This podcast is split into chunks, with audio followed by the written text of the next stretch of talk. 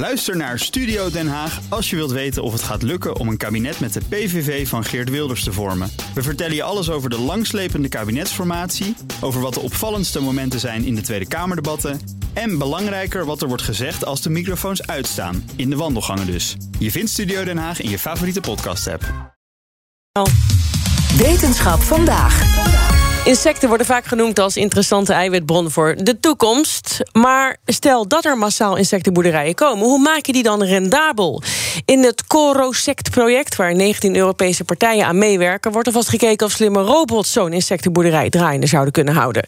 Wetenschapsdirecteur Carlijn Meijers ging langs bij de Universiteit Maastricht, waar onderzoeker Rico Mukkel er meer over kan vertellen. So one of the main challenges that we as uh, yeah mankind actually are facing is uh, providing enough food and in such a way that is actually sustainable.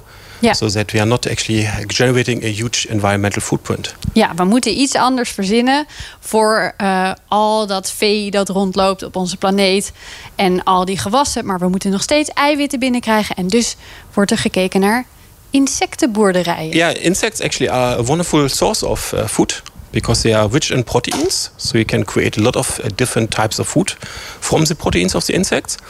And they have a very low environmental footprint. Yeah. They can be grown from, um, yeah, fruits and uh, other um, food that you don't want to eat anymore. Things we throw away. Things that we would normally throw away, exactly. Um, and at the same time, um, yeah, they can live in the dark. Um, they don't need a lot of space. So it's not that you need like a huge field of crop, but you can actually have them in a very nice confined area. Ja, ze nemen niet veel ruimte in beslag, die insecten. Ze kunnen gewoon in het donker zitten vaak.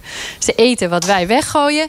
Uh, alleen is het wel handig dat wij dan niet met de hand al die insecten hoeven te voeren, maar dat robots dat een beetje kunnen gaan overnemen. En dat is wat hier gebeurt. Robots ontwikkelen voor in die insectenboerderijen. Yeah, so we have uh, different robots that are working together, uh, working also together with the um, workers inside, the human workers inside the insect farm.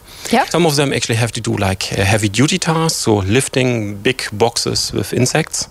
Um, some of them are, are yeah, driving around autonomously, bringing material from one position to the next one. And then we have also the uh, yeah, particular smart robots that actually have to take care of the insects so that they are. There's one moving behind you.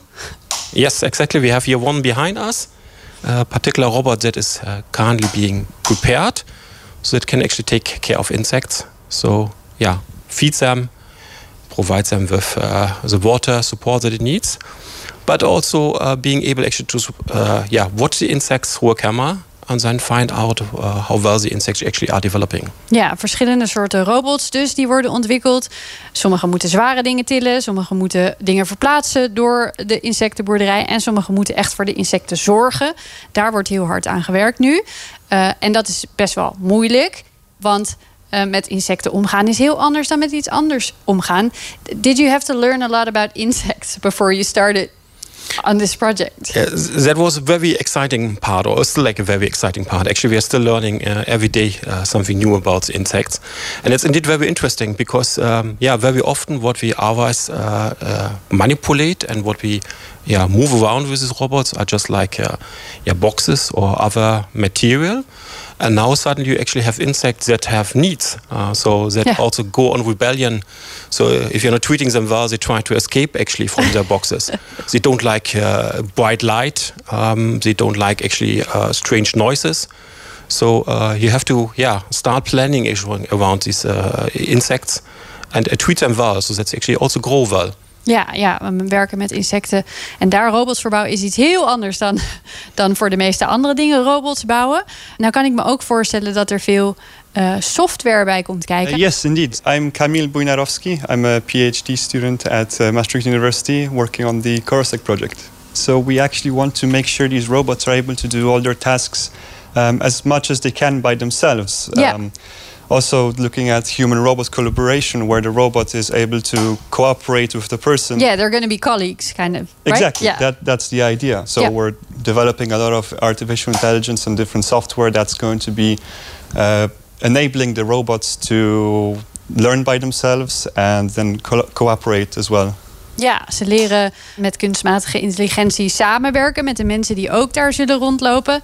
Uh, but I guess they also need to like count count the number of insects, things like that? Yes, indeed, because we're also integrating sensors into the robots, uh, so such as cameras, and for that we're also having then to develop software that's going to be able to count how many insects there are, uh, inspect them, how well are they growing, uh, are they doing well, um, are they still there? Are they happy and healthy? Exactly. Yeah. When are you gonna try this at an actual insect farm? Yeah, no, we're actually very much looking forward because in summer we are planning to have our first uh, meeting all together, integrating all the robots and then indeed working at an insect farm. So testing out how well the robots actually already doing this job. Komende zomer waarschijnlijk het eerste uitstapje naar een echte insectenboerderij om met al die partners samen te kijken of die robots dan ook tegelijk allemaal dat werk kunnen doen. Kijken hoe ze omgaan met de verschillende materialen in zo'n boerderij, de verschillende soorten insecten. En um, and, and when do you think the whole package will be ready? Yeah, so we have very ambitious plans for Yes. this. It's a European project, so um, our plan is to be indeed uh, done in uh, about two and a half years. Ja, 2,5 jaar, dat is zeker ambitieus noemen voor een Europese project. maar dan moeten ze het hele pakket aan slimme insectenrobots klaar zijn. Je hoort een bijdrage van onze wetenschapsredacteur Carlijn.